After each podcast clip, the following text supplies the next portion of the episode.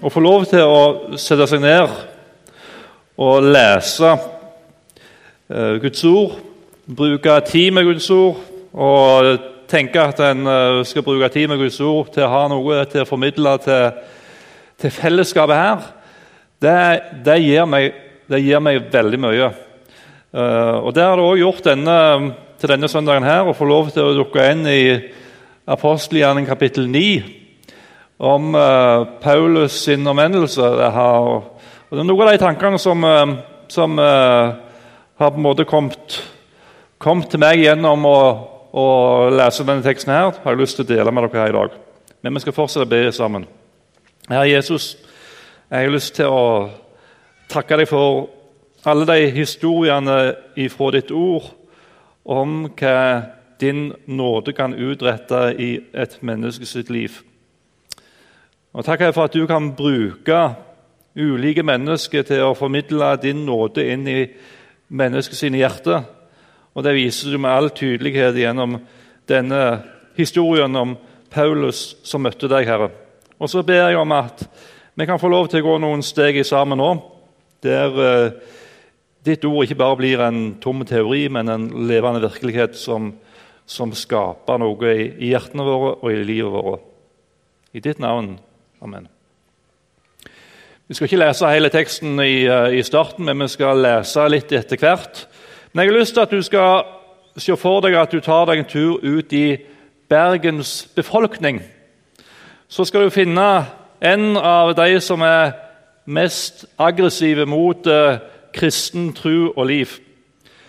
Så skal du tenke at han eller hun er den som skal bli den som får størst betydning for eh, denne byens kirker og menigheter og forsamlinger. Um, jeg tviler på hvis du hadde funnet et sånt menneske, at du hadde tenkt de tankene der.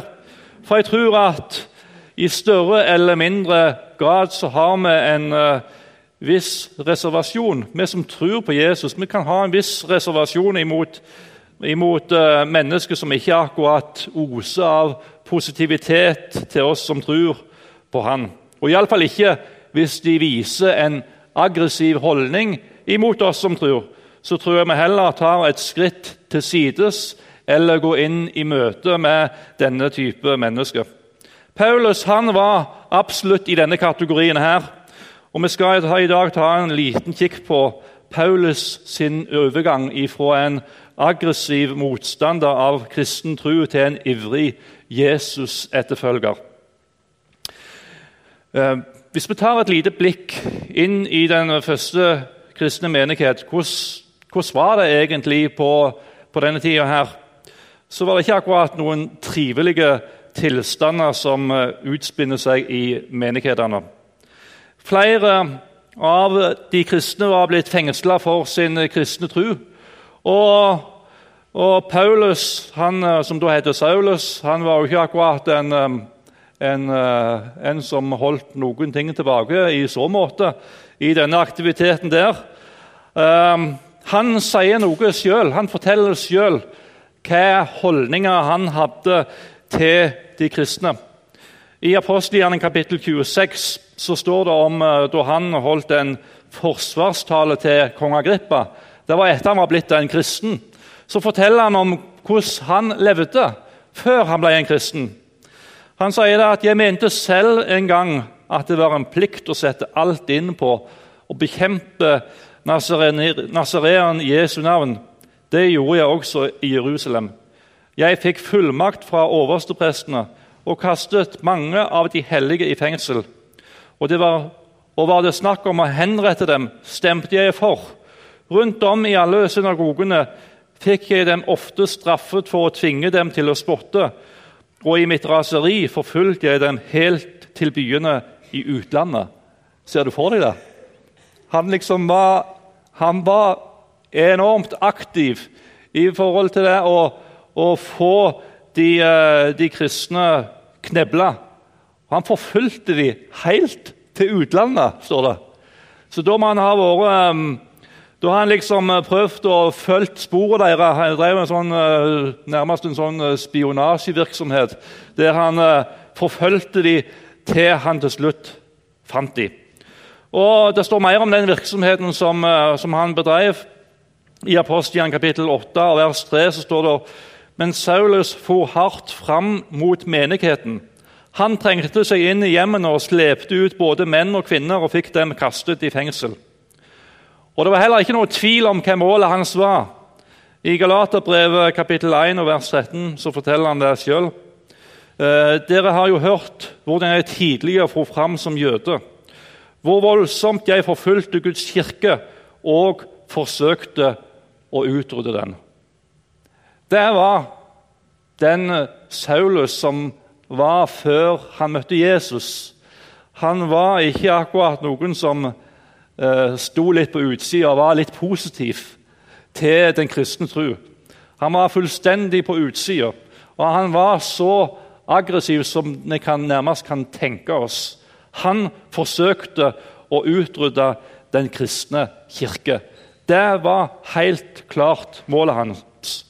Og, og Hvis vi tar og leser i kapittelet før, så i Apostelgjengen kapittel 8, så er vi jo vitne til den, um, den, uh, den um, Hvordan, hvordan um, Uh, han, um, ja, Stefanus uh, han ble den første martyr, kan vi lese om tidligere i apostlenes gjerninger.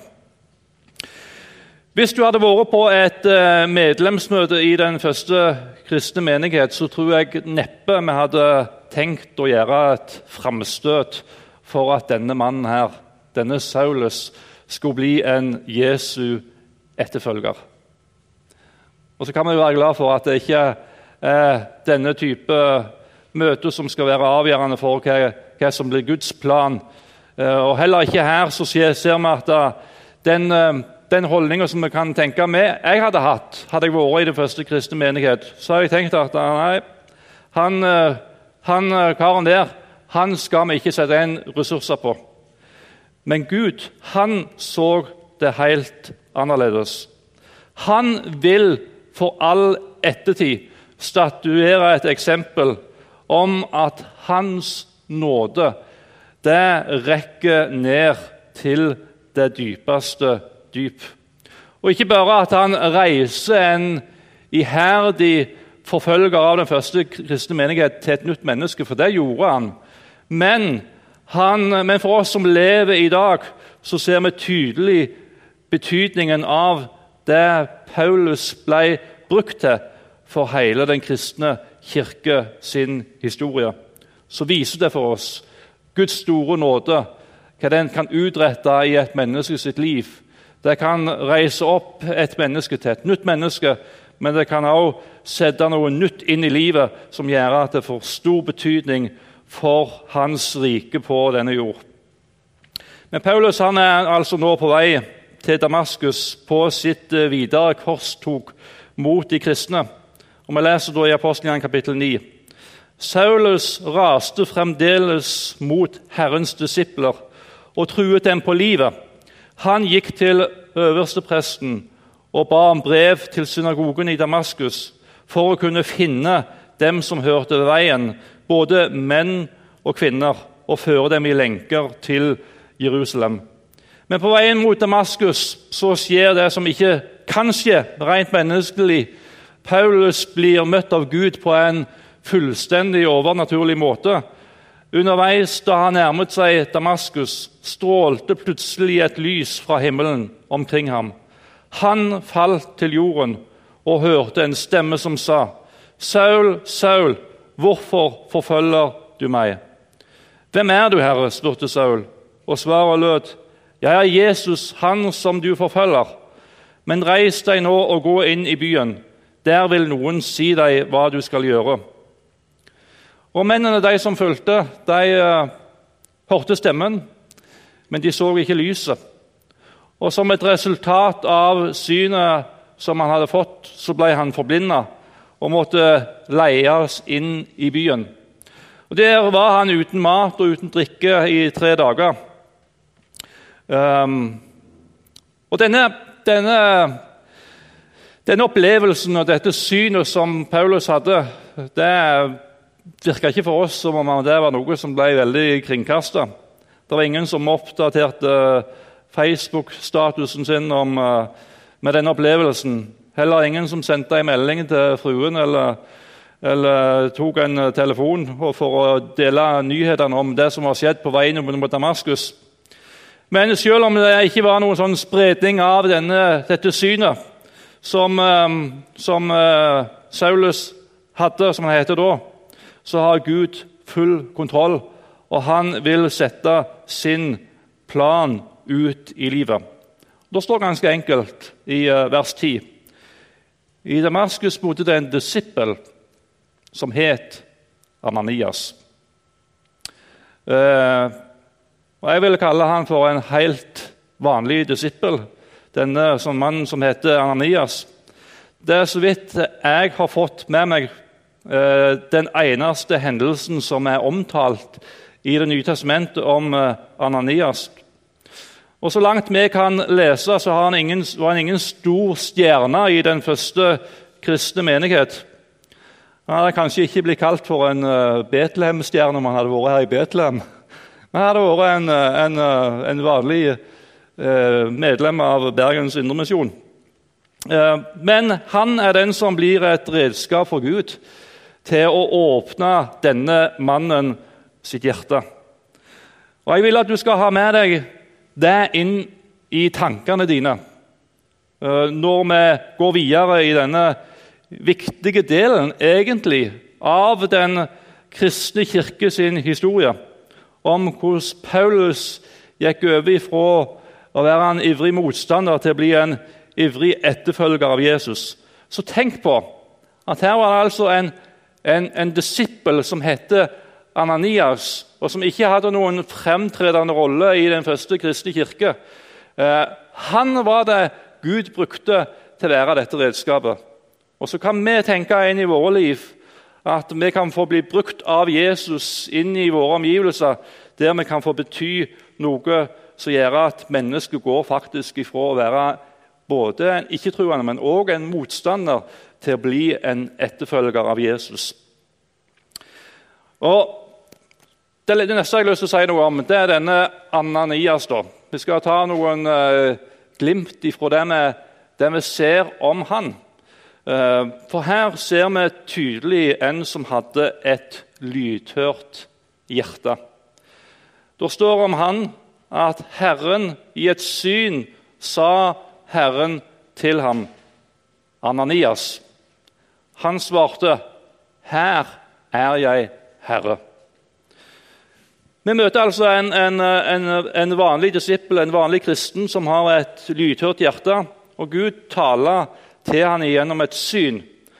Og Hvordan det utarter seg, det får vi jo ikke helt innblikk i.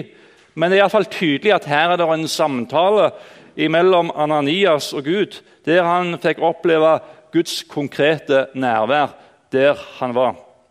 Nå er det ikke sikkert at vi alle får oppleve et så konkret nærvær av Gud, der vi får høre hans stemme med ørene våre. Men jeg tror at vi kan på ulike måter høre Guds stemme. Det viktigste som jeg leser når jeg leser om Ananias, her, det er at han levde i en så tett kontakt med Gud at det var mulig for Gud å tale inn i Ananias sitt liv. Um, og jeg, jeg, tenker med meg sjøl når jeg leser her, at kanskje var det når uh, det var en sånn stillhet Det er iallfall ikke så greit for uh, å ha denne samtalen med mange tilhørere som Ananias og Gud hadde her. Uh, jeg tror må vært, Ananias må ha vært alene der Gud kunne få lov til å tale til ham. Så tenker jeg at det er så viktig for oss at vi lever i en tett kontakt med Gud. Um, og Det kan vi gjøre på flere ulike måter. Og Noe av det viktigste jeg tenker er at vi, vi, lever av Guds ord, og vi lever av Hans nåde. Ikke bare at vi leser Hans ord og hører om Hans nåde, men at vi faktisk lever av det i våre liv med Han. Der vi fyller oss med Guds ord, og der vi lar Han få lov til å, å fylle oss med det Han har for oss inn i våre egne liv. Um, mens jeg satt her og forberedte meg, så tenkte jeg tilbake til når jeg gikk på Lyngdal, jeg gikk på Lyngdal jordbruksskole, som det heter nå. Nå heter det vel KVS Lyngdal. Um, jeg er jo utdanna agronom, da, hvis de ikke visste det fra før. Uh, på godt norsk utdanna til bonde. Uh, men jeg husker en av, um, en av disse avslutningsfestene som var. Det var en rektor der som heter Leidulf Nesgård. Uh, kanskje noen vet hvem han er? Men han um, Jeg husker ikke så mye av det han sa. Men det er én ting jeg husker han sa, og det er jo ikke så verst å bli huska for det, som jeg nevner nå. Uh, hvis folk husker det fra meg, så vil jeg være veldig takknemlig. Men han sa det at han sa det på en avslutningsfest. Følg deg med Guds ord. Og Den setningen der den har, den har uh, bitt seg fast i meg. og den har, Det er det jeg husker når jeg tenker på Leidulf Nesgård. Så tenker jeg følg deg med Guds ord. Og så tenker jeg det er ikke det verste å bli huska for. Det er faktisk det, noe av det beste.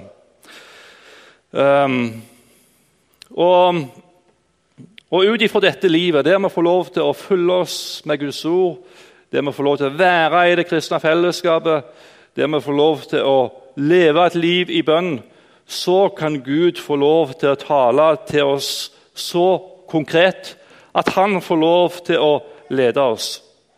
Og jeg tror som oftest, så, iallfall sånn som jeg har opplevd det, så kommer Guds tale som regel i stillhet. Eh, når jeg er i bønn, eller når andre dører av inntrykk er lukka igjen. Eh, mens jeg lytter til forkynnelse, eller hvis jeg hører til lovsang og tilbedelse. Da hender det av og til at det kommer noen forsterka tanker. Jeg har aldri hørt Gud ha talt til meg så konkret. jeg har hørt hans stemme. Men det kommer noen forsterka tanker inn i, inn i sinnet som ikke slipper taket. Og så tror jeg når sånne forsterka tanker, enten det er konkrete enkeltpersoner eller noe Gud leder oss til å gjøre, der vi hva de kalte det før, de kalte det forminnelse. Jeg tror det er sånne forsterka tanker som kan komme inn i, inn i, i tankene våre.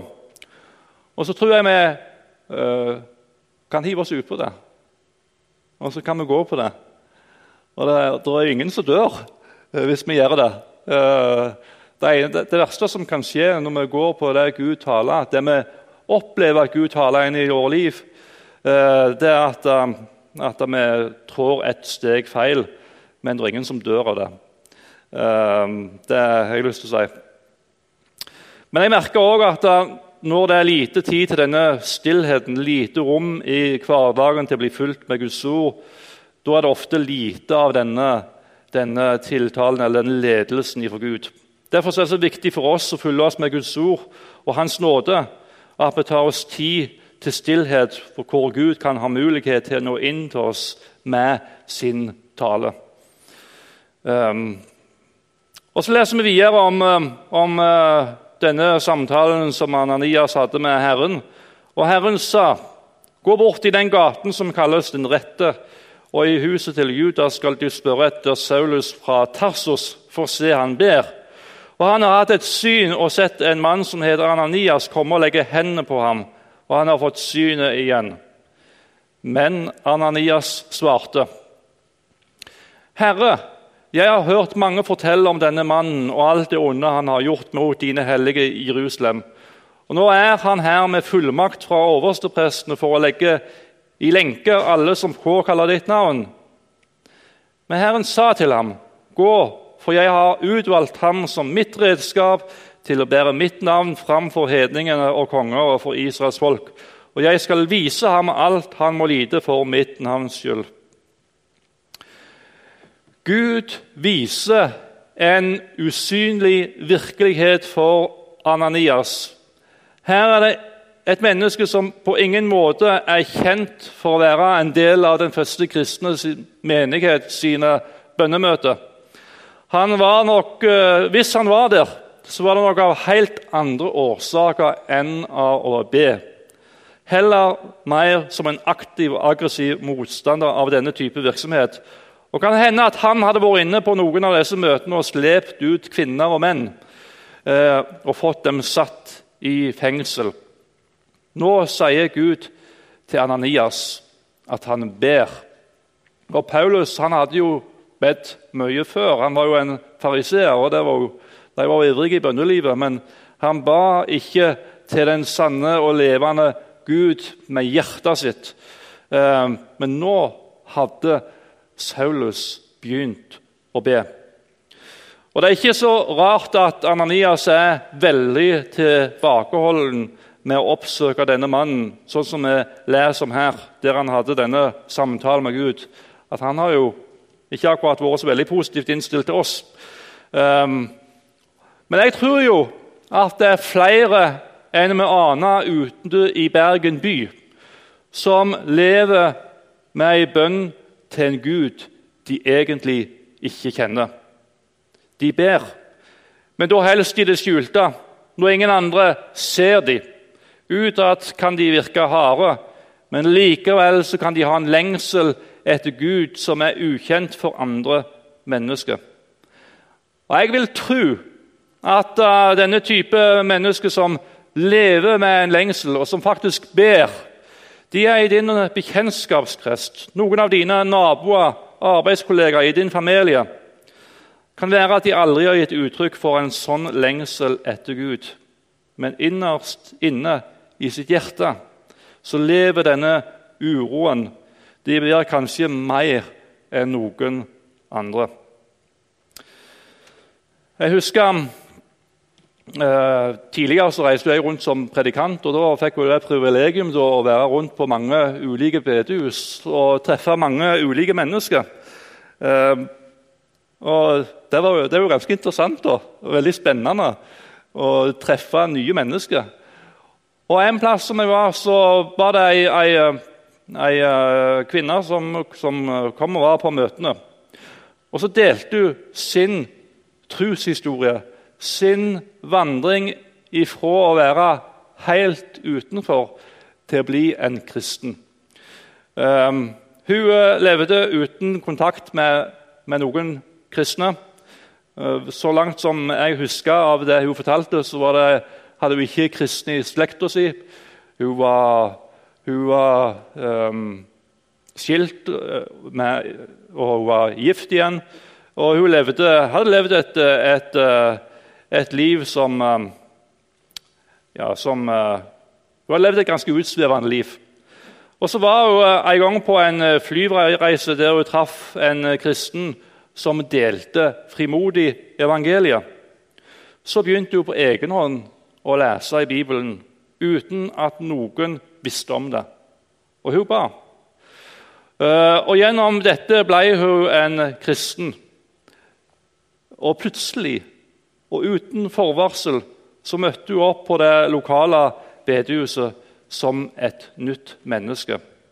Men da var det ett menneske som hun møtte på en flyreise, som Gud brukte til å, brukte til å åpne noen dører inn til den levende Gud. Og På samme måte kan Gud bruke oss i vår hverdag i møte med andre mennesker. Så kan Gud bruke oss til å åpne noen dører inn i menneskets liv, sånn at de kan bli møtt, bli møtt av Jesus. Um, og Ananias han gikk. Han var en villig Herrens tjener. Um, han var, For Ananias Ananias var kontakten med Gud ingen teoretisk greie. Trua fikk konsekvenser i hans liv. Og Det står videre at når han har hatt denne samtalen med Gud, så går han. Da gikk Ananias, og han kom inn i huset, la hendene på ham og sa, 'Saul, min bror, Herren selv, Jesus som viste seg for deg på veien hit, han har sendt meg for at du skal få synet igjen og bli fulgt av Den hellige ånd.' Straks var det som et skjelv falt fra øynene hans, og han kunne se. Han sto opp og ble døpt. Det står ikke at Ananias hadde han venta en dag eller to. Heller ikke at han prøvde å vri seg unna. Det står ganske enkelt at han gikk. Og Denne vandringen resulterte i en viktig brikke i den første kristne kirke sitt puslespill, som ble lagt på det riktige stedet. Um, vi vet aldri hva våre steg inn i andre menneskers sine liv vil resultere. Denne dagen ble viktig i Paulus sitt liv. Eh, for andre mennesker i vår vei kan vi være redskaper til sånne viktige møtepunkt mellom Gud og menneske. Og et nytt liv for mennesker som lever uten Jesus. Ehm, jeg kom til å tenke på en annen ehm, historie når jeg så det og forberedte meg. Jeg, eh, mens jeg reiste rundt som predikant, så var jeg eh, om, om sommeren så var jeg på, på, på lakseslakteri og fiskemottak måtte svette litt. Det var, det var noen flotte somre. Og når jeg kom inn der, så De fikk jo inn sånne sommervikarer på, på lakseslakteriet. Og når, jeg, når, de kom inn, så spurte de ja, hva holder du på med. da? spurte de meg. Nei, så Jeg reiser rundt som predikant, og det var jo veldig interessant for deg. og Litt sånn eksotisk nærmest å få en predikant inn på lakseslakteriet. Det resulterte jo i mange interessante uh, samtaler. Uh, og Det kunne jeg fortalt mye om. Men jeg husker en gang jeg sto og arbeidet med ei, ei dame. Dette har hun fortalt offentlig sjøl i etterkant. Um, så på en eller annen måte så, så sier jeg ja. Uh, du, er, er, du en kristen, du, da? spurte jeg henne. Så sa hun det. Nei, sa hun. Men hun hadde nok vært det en gang. Um, når hun var ung, sa hun, så var hun kristen, men ikke nå lenger. Så sa jeg ganske enkelt til deg, til henne um, Ja, sa jeg, men det fins en vei tilbake igjen. Du kjenner vel veien? Så sa ikke jeg mer til denne, denne dama her. Så gikk det en to-tre uker. Så, så kommer denne dama til meg, og så sier hun det til meg at nå har jeg kommet tilbake igjen. Jeg visste veien. Når jeg kom hjem den kvelden der, så bøyde jeg mine knær for Jesus, og så åpna jeg mitt hjerte for han igjen. Og så var det ikke så tenker Jeg jeg har holdt mange preiker for mennesker som ikke tror, og det har ikke skjedd fnugg. vet du. Men så sier jeg en enkel setning der i møte med et menneske. Så får et menneske et møte med Jesus som faktisk skaper en ny retning i hennes liv. Jeg har lyst til at vi skal bruke eh, et par minutter der du kan få lov til å søke Gud. Eh, og spør Han er det noen du skal få lov til å bety noe inn til. Og Så kan det være at det kommer noen tanker til deg, noen forsterka tanker om noen mennesker. Da skal du begynne å be for de menneskene der. Og så skal du be om at Gud må få lede deg på en konkret måte inn i deres liv og inn i deres hverdag. Jeg, love, jeg kan love deg eh, Ikke fordi jeg, jeg, kan love deg, men, men Gud sier det. Den som ber, han får. Den som leter, han finner. Og den som banker på, skal det bli lukket opp for. Så Nå bruker vi et par minutter i stillhet, der hver enkelt kan få lov til å søke Gud for sitt eget liv. Og så vil jeg anbefale deg at du kan gjøre det òg når du kommer i i stillhet for deg sjøl hjemme.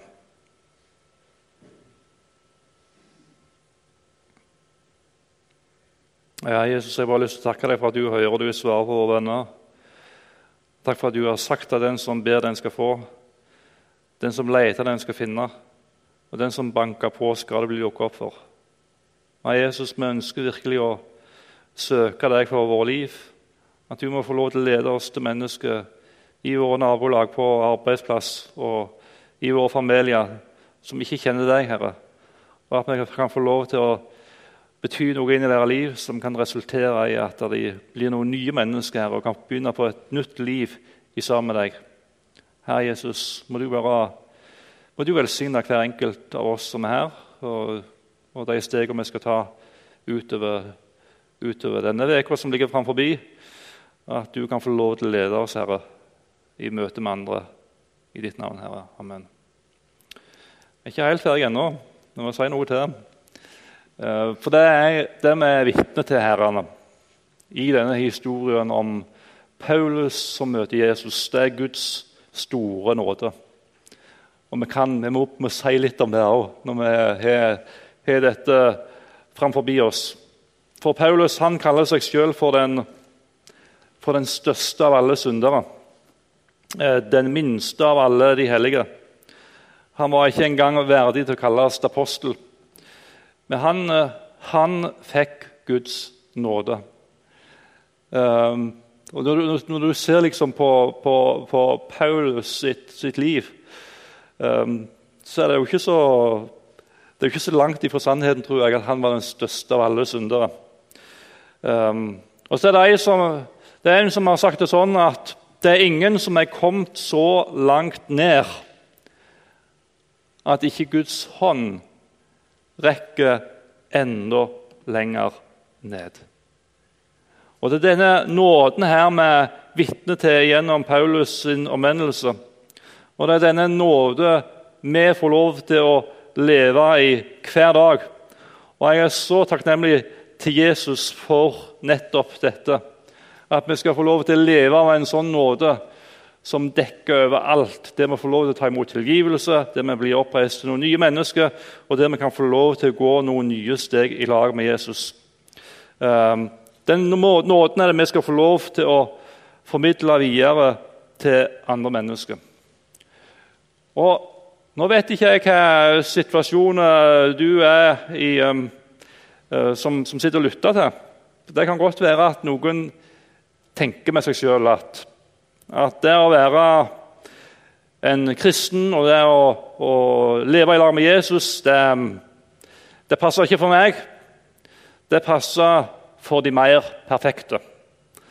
Og Jeg har lyst til å si til deg jeg håper du kan, Om du er i en sånn uh, i en sånn situasjon der du tenker sånne tanker, så hør hva jeg sier nå.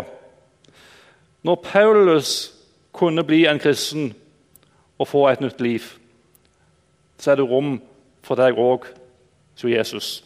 Det er rom for mennesker, for alle mennesker, uansett bakgrunn, uansett hva en har gjort, uansett hvilken familiebakgrunn en har, uansett hvordan livet har arta seg i ulike fasetter. Hør hva det står om Jesus. Og Det er nettopp dette som vi leser om Jesus her i Lukas evangeliet kapittel 15 vers 1, som går igjen gjennom hele Det nye testamentet. Alle tollere og syndere holdt seg nær til Jesus for å høre ham. Og er du i en sånn eh, Jeg tror vi, vi er jo alle syndere. Eh, om ikke vi er tollere, så er vi alle syndere. Men det var jo det det var en sånn beskrivelse av den tids eh, hva skal vi si, mennesker som fariseerne, de skriftlærde og blant jødefolket som ikke var vel ansett. De kom til Jesus, og de lytta til hva Jesus hadde å si til dem. Um, og Leser du gjennom hele Nytestamentet, så ser du at det er nettopp det vi er vitne til gjennom hele Jesus sitt liv, gjennom apostlenes gjerninger, der evangeliet går sine første stormskritt ut i, ut i denne verden, eh, så er det det vi er vitne til. Mennesker som uh, ikke tenkte om seg selv som aktuelle for fellesskapet med disse første kristne. Det er de som blir møtt av Gud og får et, et nytt liv.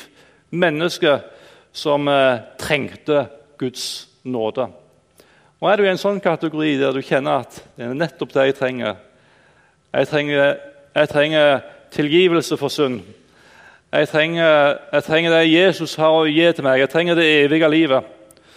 Så kan du ganske enkelt, der du sitter her og nå, åpne ditt hjerte for Jesus og så si til ham Jesus,